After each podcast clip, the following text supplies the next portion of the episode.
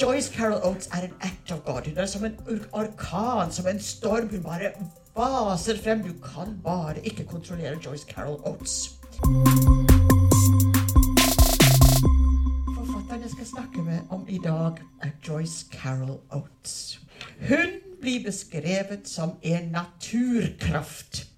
Eh, I engelsk juridisk terminologi så har du noe som heter en act of God. Altså Det er noe som ingen mennesker kan påvirke. Det er noe som bare skjer. Og det dekker altså ikke forsikringsselskapene. Joyce Carol Oates er en act of God. Hun er som en orkan, som en storm. Hun bare vaser frem. Du kan bare ikke kontrollere Joyce Carol Oates. Og hvis vi ser på hennes produksjon sånn Det er bare en bitte, bitte liten del av hennes produksjon. Hun skriver i absolutt alle sjangre. Om absolutt alle emner. Hun har en mening om absolutt alt. Hun, skriver, hun har skrevet over 100 romaner. Mye, eh, over 50 romaner og over 100 bøker. Hun skriver essay så å si nonstop. Hun underviser. Hun, hun gjør absolutt alt. Og hun er blitt spurt er det noen, Fins det noen som har lest alt du har skrevet, alle dine verker, Joyce Carol Oates? Og så sier hun nei, kan ikke tenke meg det. Nja, forresten. Det er en som heter Greg Johnson, som har skrevet en biografi. Det er mulig at han har kanskje lest alt. Nei, nei, det tror jeg ikke. Så hvis du bare ser på alle de sjangerne hun har skrevet, så er det absolutt alt. Og så har hun funnet en ny sjanger. Hun har oppdaget Twitter. Og hun twitrer, hun twitrer og twitrer og twitrer. Og da jeg begynte å skulle gi disse foredragene, så hadde hun 15 000 twittere. Tweets. Og så hun, eh, ble hun jo spurt hvordan klarer du, samtidig som du skriver, twitre så mye? 15 000, sa hun. Jeg twitrer jo bare én om gangen. Nå er det oppe i 30 000. Hun skriver under flere navn. Hun er professor. Nå er hun såkalt visiting professor, men hun har jo jobbet ved Princeton i mange, mange år. Hun, har, eh, hun spiller piano, hun løper. Hun, eh, hennes, laget, hennes, bøker er blitt laget i film, til opera, og hun medvirker. Hun har YouTube-utgave. Det er bare å klikke på Joyce Carol Oates, så kommer det opp. Så hun har gjort absolutt alt. Uh, hennes Twitter er veldig kritiske. Hun er enormt kritisk til den nåværende uh, regjering i USA. og blir derfor kalt the queen of bad tweets. Altså dronningen av dårlige tweets. hun sier sånne ting som ja, ja, skattepenger det er noe de rike, de fattige betaler. De rike ikke så mye. Hun har en mening om absolutt alt, og det er veldig morsomt å følge henne på Twitter. Hun er veldig glad for at Ishiguro fikk nobelprisen. Hun sier at det er en lavmælt, eh, melankolsk forfatter. Hun har, eh, Vi vet masse om Joyce Carol Oates, samtidig som vi ikke vet så veldig mye. Eh, hun er født i 1938 i Lockport, Niagara, og nesten alt hun skriver, har en setting opp i nord New York State. Upper New York State. Uh, hun har skrevet en, uh, en, minnebok, 'The Lost Landscape', der hun har en blanding av memoarer og esser om hvordan det var å være ung i den tiden, 50-tallet. Det var et røft barnemiljø. Uh, hun kom fra en alminnelig arbeiderklassefamilie med en, en gård og en far som var en vanlig arbeider, og en mor som var hjemmeværende. Og hun hadde litt røft barndom, men hun sier at disse kristne jentene jeg skriver, skriver noen ganger om, disse snille kristne jentene, de fins. De gjør faktisk det. Hun har absolutt hatt en klassereise. Den første som tok high school i familien, den første som studerte på universitetet. Nå blir hun kalt The United States foremost woman of letters. Altså den største intelligensia-kvinnen, får vi si, i USA. Det er fantastisk. Hun har skrevet disse memoarene som en slags leting etter egen identitet. Men hun forteller oss allikevel så er det litt mystisk, noe hemmelighetsfullt med henne. Hun mistet mannen sin. Hun var gift i 47 år og mistet mannen sin sånn helt plutselig.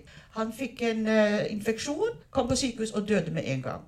Uh, hun uh, sier at denne boka, som heter på norsk 'En enkes fortelling', det er en håndbok for enker.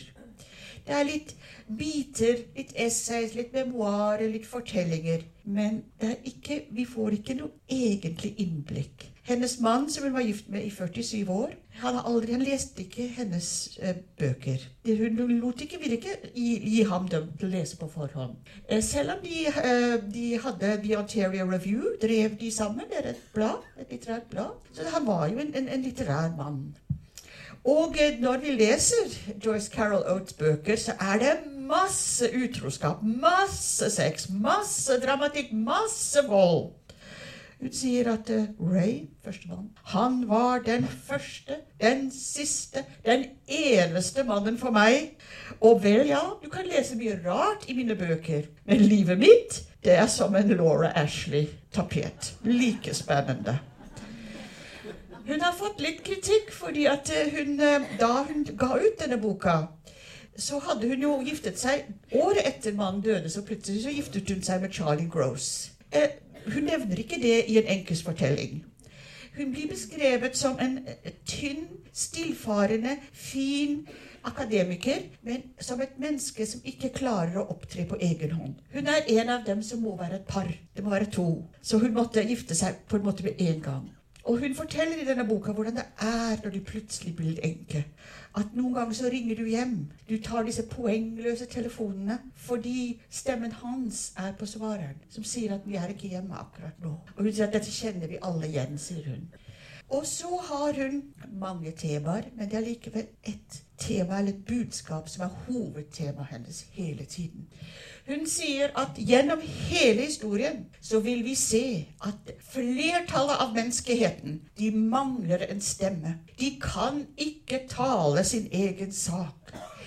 Enten så er de for fattige, og fattigdom det fører til manglende hell. Er du fattig, så er du også uheldig i alle andre eh, faser i livet. Eller så mangler de utdannelse. Eller så mangler de til selvtillit. Og alt dette henger sammen. Og da mangler du språk. Og mangler du språk, så har du en følelse av stor avmakt.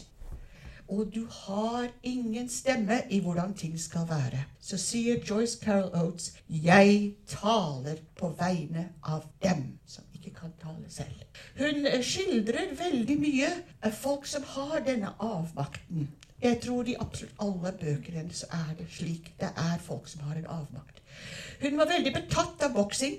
Hennes eh, far tok henne med på boksekamper da hun var barn, så hun kan en del av boksing. Men så fikk hun da tak i Mike Tysons liv og karriere. Mike Tyson ble jo født i fattigdom. Han hadde en fryktelig barndom og ble oppdaget som bokser. Og Mike Tyson sier selv at 'jeg er et udyr'. 'Jeg er livsfarlig. Jeg kan ikke slippes løs på gaten'. Det er det de som da iglene som kommer og tar deg når du klarer deg, når du begynner å komme deg opp fra fattigdom. Så kommer iglene frem. Så kommer gribbene og skal ha det, alt det du kan gi ut av deg. Så hun har skrevet om boksing flere ganger, men bl.a. i en stor essay som heter 'Omboksing', der hun spesielt jobber sammen med Mike Tyson. Mike Tyson, for eksempel, han, har, han har fått alt nå. Han er så rik. Fra inne og ut av fengsel. Han kjøper det ene huset etter det andre og viser det fram. Ikke sant? Fantastisk flotte hus. Men det er ikke nok, for når folk har sett huset, så er det nok. Så kjøper han tigre og løver og fyller i husene med dem. Og det er hva, hva, gjør du da, når du har på en måte klart det? Hun tar også i, um, i boka 'Blond' skriver hun en biografisk fiksjon, eller fiksjonell biografi, om um, Marilyn Monroe. Og hvis vi leser den, så vil vi tro på den. Der tar du den sårbare unge Norma Jean og ser hennes vei gjennom fattigdom og elendighet inntil hun da blir berømt. Og vi vet jo alle hva som skjer da.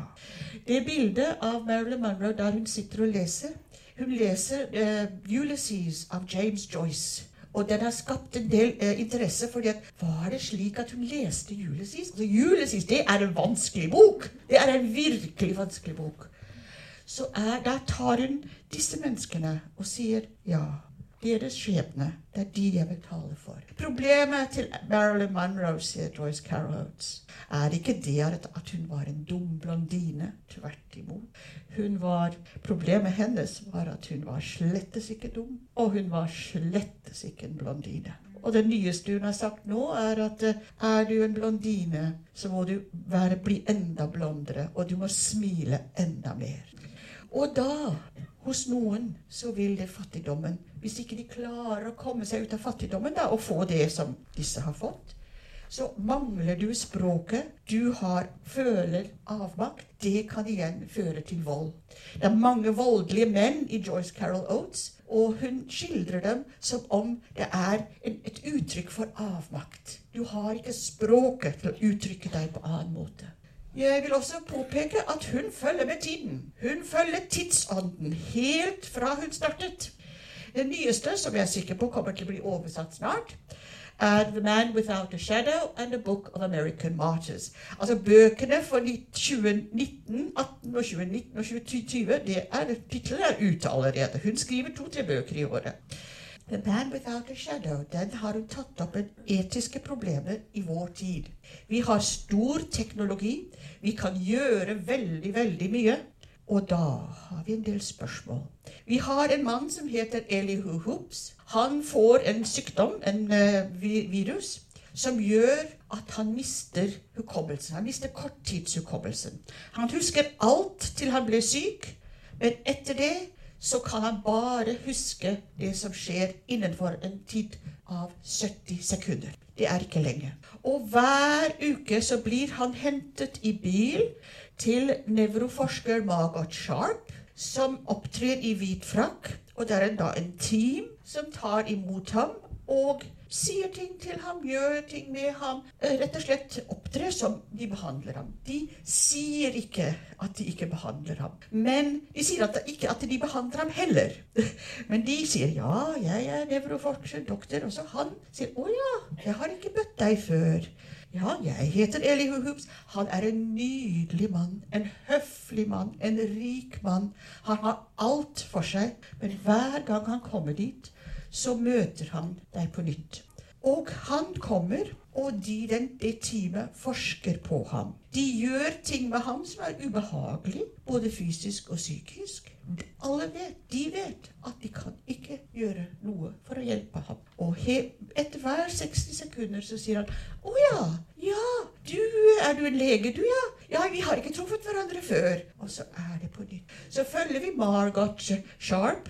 Hun er arbeidsnarkoman. Vi kan assosiere oss med henne også. Arbeidsnarkoman. Jobber i en mannsdominert uh, yrke. Full av forskere som skal opp og hvordan er forholdet til dem når du jobber sammen i 40 år med en som du hilser på? En flott mann som du hilser på hver uke og skal prøve å forske på. Kan ikke hjelpe ham. Går det an? Er det lov? Det er et interessant spørsmål. Når jeg forteller om disse bøkene, så forteller jeg bare litt. Jeg har ikke tenkt å spoile det. Det er bare å kaste seg over bøkene og lese dem når de kommer. Det er mye mer i det. Så har vi den andre, som også er et moderne dilemma. I USA så er det i hvert fall elleve abortleger som har blitt skutt og drept av antiabortfolket. Og det er stor, stor kontrovers med pro-life og pro-choice.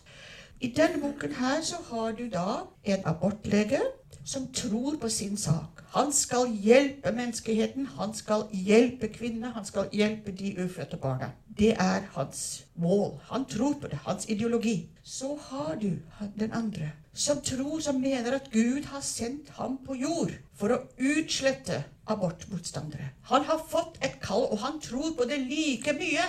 Her har vi to idealistiske menn. Så dreper den abortmotstanderen en abortlege. Å ja vel, hva da? Ingen har spurt familiene til disse to mennene hva de syns om hans ideologi. Ingen har spurt dem hva slags konsekvenser dette kommer til å få når den ene dreper den andre. Slik at vi følger ikke nødvendigvis så mye den drepte og den som drepte, jo, morderen. Vi følger familien. Hvordan går det med en familie i en slik situasjon? Så er det jo klart at så å si alle amerikanske forfattere skriver om den amerikanske drømmen. På en eller annen måte er den der. Og settingen til Joyce Carol Oates har alt å si. Det er nesten bestandig upstate New York. Amerika er settingen. Den amerikanske drømmen er hennes eh, prosjekt. Og nå for tiden er den amerikanske drømmen rett og slett å ha to hus, en villa og en universitetsutdannelse. Det er liksom det minste du skal kunne klare. Og da er verden åpen for deg. Og da må du bare følge de amerikanske kjerneverdiene som alle vet hva er. Altså, Det er optimisme, det er hardt arbeid. Det er dette med du kan forsvare deg selv og din familie. Du går på, og du har høy arbeidsetikk. Du prioriterer familien. Du tror på frihet og demokrati. Du er materialistisk. Du er optimistisk. Du gir deg ikke. Du konkurrerer. Altså, dette her, Det er opp til deg. Du må bare gjøre det. Så går det fint. Og så må du være villig til å flytte på deg. Både mentalt og fysisk. Så dette er opp til deg. Ja vel. Og så er det jo spørsmål, da. Hvem gjelder den amerikanske drømmen for? Dette skriver veldig mange om. Blant annet da F. Scott Fitzgerald, f.eks. Rike, hvite menn med masse penger. Hva gjør de? Hva gjør de da, når de har klart det? Det er kjedsommelighet de luxe. Og så har du da dette med John Steinbeck. Gjelder den amerikanske drømmen de fattige under depresjonen i USA? Gjaldt det dem i det hele Hadde de noe sjanse? Uansett hvor mye de brukte de amerikanske verdiene, og de fulgte dem, hadde de noen sjanse. Og så har du da dette med nå, in the Rust Belt og enkelte områder i USA, det er tomme skall. Har folket der noen sjanse? Og da kommer vi over til en av hennes Joyce Carol Oates' store romaner. Og det er 'Graverens datter'. Vi har Like før, under annen verdenskrig, så kommer det en familie til New York havn. Det er en far og en mor, to sønner og en datter, Rebecca. Rebecca er så heldig at hun faktisk blir født i New York havn, slik at hun blir da amerikansk statsborger. Og eh, faren, han er en jøde. Og han er vant med å ha en god, respektert jobb. Han har vært eh, hjemme i Tyskland, var han matematikklærer. Han var trener for uh, ungdommen. Han ble sett opp til. Han var en mann av substans. Så kommer han til New York og må flytte ut til landet, for det er ikke noe jobb å få. Og så får han en jobb som en graver. Grave graver. Ja, han gjør det. Han graver graver. Han får en del problemer, bl.a. at eh, boligene han har, boligene han har, er elendige. Han blir mobbet av folk rundt. Eh, det er vandaler. Eh, han, han, klarer rett og slett ikke å føle noe respekt for seg selv. Men han fortsetter. Han jobber, og han arbeider, og han arbeider. Og så en halloween-morgen så kommer det vandaler og ødelegger alle gravene. Og han er så sint. Og han er virkelig fortvilet og tilkaller politiet. Så kommer politiet og er litt sånn Ja, er dette noe å styre med? Ja, ja, ja. Dette, og dette er en mann, Han kan jo ikke engelsk særlig godt. ikke sant? Han kan så vidt kan litt. Og han blir sintere og sintere, for han ser at disse to mennene de ler av disse to politimennene. De skal jo være på hans side, de skal jo hjelpe ham. Og han, der ser du hans avmakt. Han blir beskrevet av Joyce Carol Han sto der, denne mannen som var vant med å stå og være matematikklærer og ungdomsleder. Han ble forvandlet til en liten dverg der han hoppet og danset og fikk ikke ut det han prøvde å si. Han fikk en avmakt. Eh, da vil jeg gjerne gå over til den der med Panama-hatten der. For i Joyce Carol Oates så er det veldig veldig ofte så, så opptrer det en seriemorder. Noen ganger så er den seriemorderens oppgave å gjøre det seriemordere gjør. Noen ganger er de bare der. Så når dere leser boka, så vil dere finne ut hva slags oppgave denne her personen har. Men Rebecca går en tur og møter denne mannen, og han sier 'Er du Hazel James?' I hvert fall så har du denne språklige avmakten den eldste sønnen han også har problemer med engelsken. Så han begynner å snakke en tysk-engelsk som ingen forstår, og blir aggressiv, han blir voldelig og lite populær. Så har vi da faren selv, som rett og slett blir verre og verre og verre mentalt. Så har vi en, basert på en sann hendelse, i 1939 så kom det en båt til New York havn. MS St. Louis ved kaptein Schrøder fra Tyskland. Han hadde mange 937 jødiske flyktninger om bord. De trodde de skulle til Cuba. De hadde, trodde de hadde visum til Cuba. Dro til Cuba. Cuba ville ikke ta vare på dem. Så de dro da til USA. De trodde de hadde visum der også. Det ble tatt opp hos presidenten. Og presidentens rådgivere sa nei. Dere vil se alltid, også i Joyce Carol Oates, hun bringer alltid frem en president og gir ham enten skyld eller ros. Hun nevner presidentene med navn. Og president Roosevelt sa nei, så båten snudde. I boka til Joyce Carol Oates så bruker hun denne hendelsen fordi vi har Rebecca som venter på familien fra Tyskland. Hun gleder seg til tante onkel og barna. Blant annet så kommer det en jente. Kusinen Frida. Og de gleder seg, de gleder seg, de gleder seg. Og så venter de der på landsbygda. Men de kommer ikke. De kommer ikke. Og da forstår faren han har ikke klart å beskytte og forsvare og passe på sin familie. Her kommer familien fra Tyskland. Han har ikke evnet å ta imot dem ordentlig. Og han blir helt, helt maktesløs, og da resulterer det i en fryktelig voldsepisode. Og da kommer anmelderne, bl.a. fra New York Times, som sier Frøken Oates elsker å sprute blod på oss. Men så svarer da Chicago Review of Books det er ikke Joyce Carol Oates som spruter blod på oss. Det er Amerika. Legg merke til språket. Frøken Jones. Miss Jones. Det er mennene som ikke liker at jo Joyce Carol Oates skriver så voldelige bøker som hun gjør. Eh, det hun sier selv, at en kvinne skriver om vold, det tar mennene ille opp. Og eh, når folk sier at det er for mye vold i mine bøker, så sier de bare én ting. Og det er at de virkelige liv har rett og slett for mye vold i det. Og så sier hun og hvorfor skal jeg spare folk fra å lese om den volden som finnes? Hvem er det jeg skal spare for volden? Er det lesere jeg skal spare? Så hun forsvarer dette her, at hun har mye vold. Så Rebekka, etter denne fryktelige voldshendelsen, så drar Rebekka av gårde. Og gjør det en amerikaner skal. Hun drar av gårde og snur sitt liv. Hun rett og slett blir noe annet. Hun gjenskaper seg som et annet menneske på et annet sted. Hvor mange ganger hun gjør det, skal jeg overlate det til dere å lese når dere leser boka. Dette her er en fantastisk bok. Så har vi 'Vi var familien Malveni'. Den er også en helt utrolig bok. Den er filmet. Dere finner den gratis på YouTube. Veldig bra bok som også tar opp et spørsmål om avmakt. Du har familien Malveini. Boka er skrevet i 1996, men den er familien da, er, altså skildringen er fra 1976. Dette her er drømmefamilien. Denne familien gjør alt riktig. Det er en skikkelig familie. De arbeider hardt.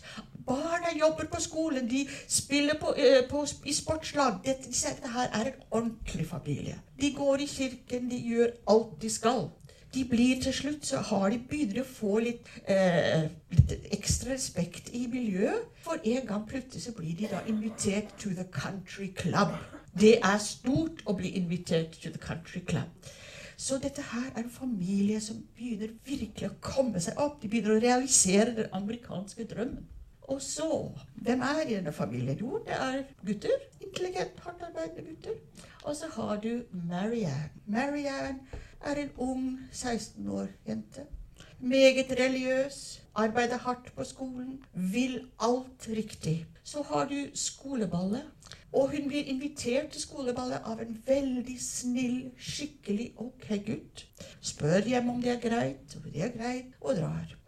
I løpet av skoleballet så kommer det en veldig flott, kjekk type og begynner å prate med henne. Så blir klokka elleve eller tolv, og så kommer denne daten hennes, denne skikkelige gutten, og så sier du, nå må vi hjem.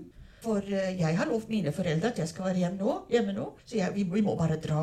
Så sier den nye gutten nei da, bli litt lenger, jeg skal kjøre deg hjem. Ja, så er hun litt i tvil, da, hun vet ikke helt om hun skal. Så sier han ja da, men jeg skal kjøre deg hjem, du er helt trygg. Så drar hennes første date hjem. Og så går det som det går. Hun får bli gitt eh, alkoholsk drikke. Drikker for mye. Hun har aldri smakt dette her før. Og så går det som det går. Og så er det det vi nå for tiden kaller date rape. Og hun syns dette er helt fryktelig. Hun våkner om morgenen, og dette her er helt forferdelig. Sier ikke noe til noen. Går ikke på skolen, men går i kirken. Og etter en stund så er det en nabo som sier til uh, moren hennes jeg så datteren din i kirken. Skulle ikke hun ha vært på skolen? Så spør de da hva, Hvorfor spør moren da, hvorfor gikk ikke du på skolen? Hvorfor er du i kirken? Og så sier forteller hun det. Og faren han skal, skulle jo ha beskyttet familien. Han føler at han skulle jo ha beskyttet datteren. Så han drar da til denne guttens familie og blir avvist bare ut av huset. Ikke noe å snakke om. Og så hva skal han faren gjøre? Han føler seg helt avmektig. Så sier han til datteren sin vi må rapportere dette til politiet. Dette er en politisak. Å nei, sier datteren. Dette kan jeg. Jeg kan jo ikke det. Jeg skulle jo ikke ha drukket. Det er like mye min skyld som hans. Jeg kan ikke det. Jeg kan ikke finne på å vitne mot han. Og da rakner alt for faren. Han har ikke beskyttet datteren. Han kan ikke gjøre noe med dette her. Og hva skjer? Jo, han orker ikke lenger å se datteren sin mer. Så han sender henne av gårde. Og hvordan går det med familien da? Det blir resten av boka. Hva skjer med en familie i en sånn situasjon?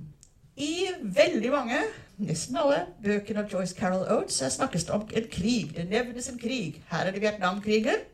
Og her har du en samtale mellom moren og faren, der faren sier at ja, noen må slåss i denne krigen. Noen må bare kjempe.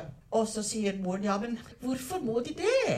Ja, noen må det, sier faren. Selv om mine to gutter, eller min sønn, måtte ta på seg militærklær og gå ut og kjempe, så må Vietnamkrigen kjempes. Det må det. Ja, din egen sønn, sier hun. Ja, til og med To sønner! To sønner, sier hun. Hvordan kan vi tenke sånn? Så her har vi en diskusjon. Skulle man slåss, eller skal man ikke? Det finner vi veldig mye av.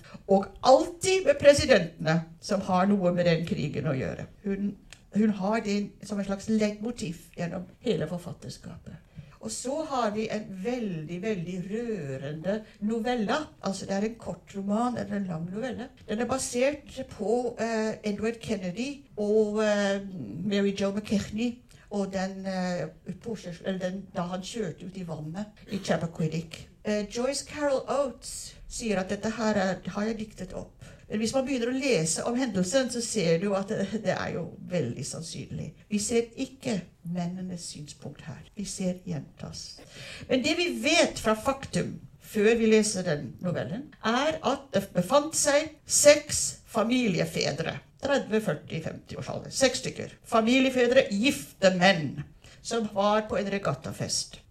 Sammen med dem var det seks ugifte unge jenter. Den eldste var 28. Dette var de såkalt boiler room girls. Det var folk som jobbet i kampanjene deres. Dette var høyt stående mennesker, bl.a. en senator. Dette her er altså Edward Kennedy. Det vet vi. Og vi vet at hun satt på med han, og at hun, hun spurte om hun kunne få sitte på. Hun ville hjem. Og de er litt påvirket, begge to. Han treffer ikke brua og kjører ut i vannet midt på natta. Det han gjør, er at han kommer seg i land, og istedenfor å si det til noen, så løper han tilbake. Han hilser ikke på noen før han har skiftet på klær og ordnet og styrt. Han gjør ingenting. Og etter lang, lang rådgivning dagen etter, så kommer dette fram. Da har alle hans rådgivende kommet fram. Det viser seg også, fakta, er at rett ved siden av der dette skjedde, så var det hus. Disse husene ble eiet av folk som alle hadde båt. De kunne ha hjulpet til. Det viser seg også, og det er helt fryktelig, at det var et så stor sprekk på toppen av vinduet, så hun fikk luft i over to timer, og hennes lik lå slik at hun holdt, prøvde å, å henge opp til vinduet. Det ble en rettssak. Kennedy-familien satte i gang og, og, og, og, fikk de fineste advokater. Slik at vi så veldig veldig mye fra hans side. Han eh, ble til slutt dømt for å gå ifra et menneske i hjelpeløs tilstand. Han eh, fikk eh, to måneders betinget fengsel. Grunnen til at han fikk betinget fengsel, var veldig interessante. Det var bl.a. pga. hans unge alder. Han var 38. Dette her har da Joyce Carol Oates skrevet denne novellen om.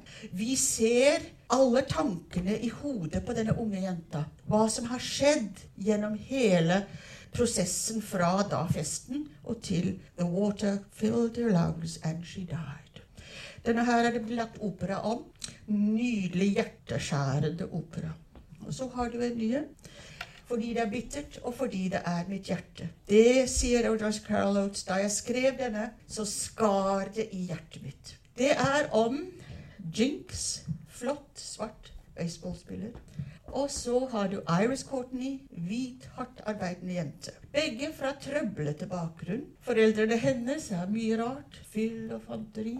De er marginale mennesker. Det er ingen som bryr seg egentlig om dem. Men de jobber, og de prøver disse ungdommene.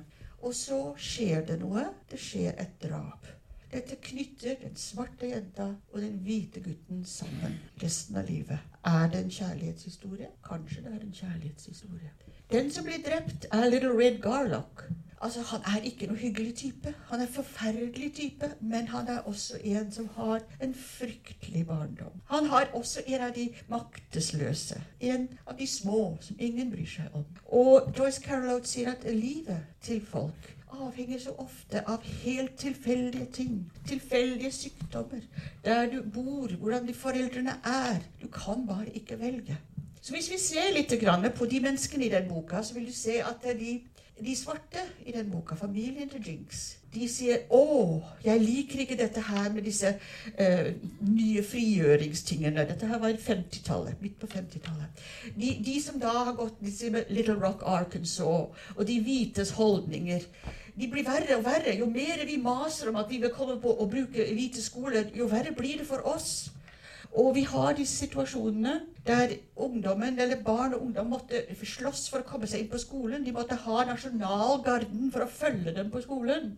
De, det Martin Luther King prekte av ikke-vold. Og da var de svarte, veldig mange av de vanlige svarte, de sa han burde ikke mase om dette her. Eh, da blir de hvite enda verre mot oss. Og dette hører vi stadig i denne boken. I den tiden da så begynte dette å øke litt på seg. I 55-56 så begynte de svarte å gjøre en del ting som var på en måte ulovlig, men det var ikke voldelig. Eh, blant annet så har du dette med bussene i, eh, i eh, USA. At veldig mange steder så var det slik at de svarte fylte opp bakfra, og de hvite fylte opp forfra. Jeg er oppvokst i Sør-Afrika, så jeg har opplevd den situasjonen der. Det er ikke noe trivelig situasjon. Og da møtes de i midten, ikke sant? og da må en eller annen vike hvis noen skal sitte. Og Claudette Colvin og Rosa Parks de var to som sa nei. Claudette Colvin hører vi ikke mye om, men Rosa Parks har blitt veldig berømt. Hun satt på setet, hun var en syerske, kom hjem fra jobb, og så kom konduktøren og sa at du må flytte deg, for det kommer en hvit som vil sitte. Og Rosa Parks sa nei. Og det ble veldig mye styr, hun ble arrestert. Og det førte til at de svarte kom sammen og sa hvem er det som egentlig bruker disse bussene? Det er jo egentlig ikke så mange hvite som bruker dem, fordi at de har jo kanskje bil. Så de startet den store Montgomery-bussboikotten.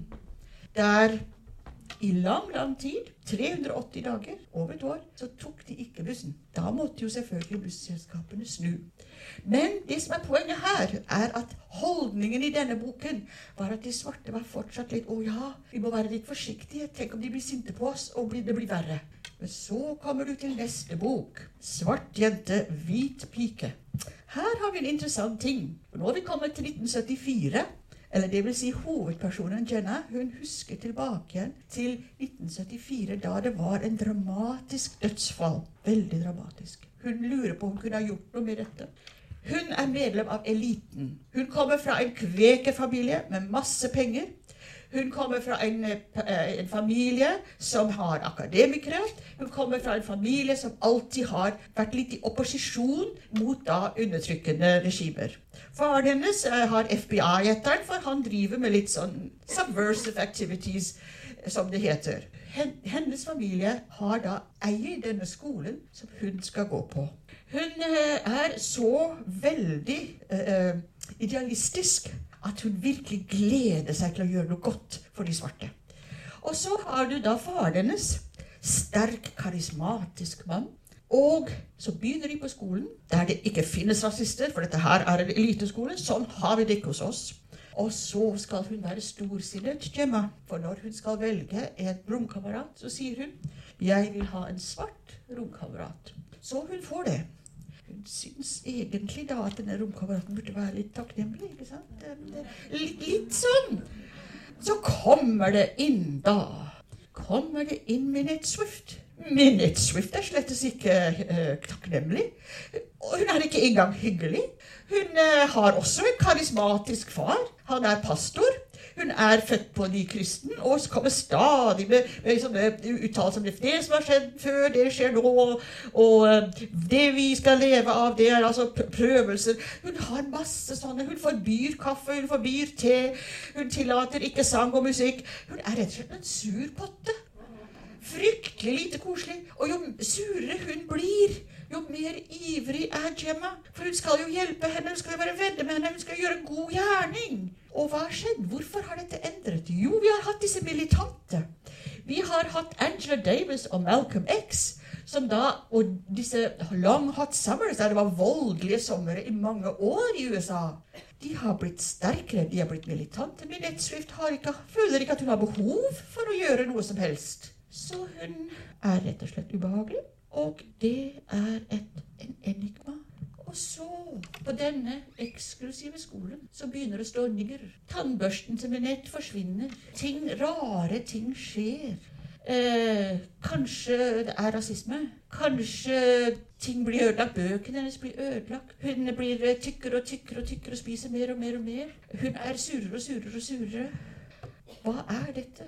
Det er spørsmålet. Alle tror at dette er rasisme. At hun er utsatt for rasisme. Det er ingen som har funnet noe hvem det kan være som utsetter henne for det. Det er ikke noe bevis for det. Og så sier Han sier det ikke direkte, men vi får inntrykk av at Joyce Carol sier en tenåring er jo en tenåring, om hun er svart eller hvit. Og det at Minette har sine problemer. Hun skjærer tenner. Hun, sine, hun er sur, hun er grinete. Hun finner seg ikke i noe som helst. Kanskje det er rett og slett at hun er tenåring. For tenåringer hos Joyce Carol Oates, de er farlige. Tenåringens jenter er spesielt farlige. Du vet aldri Også de snille. For du vet aldri hva de kan forårsake. Denne her vil jeg anbefale også. Dere har mye lang liste med bøker så skal jeg så vidt nevne da Kartago, som eh, er en helt utrolig bok.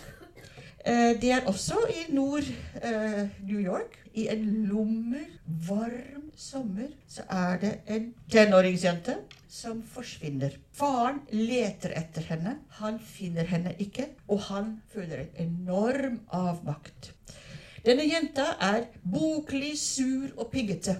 Hun vet det selv. Hun heter Cressida, og hun tror at de har oppkalt henne etter en som er sur. Og du bare hører på navnet Cressida, sier hun. Det er full av pigger. Og så har vi en søster som heter Juliet, som er forlovet med en ung mann som på død og liv skal til Irak. Han skal tjene landet sitt.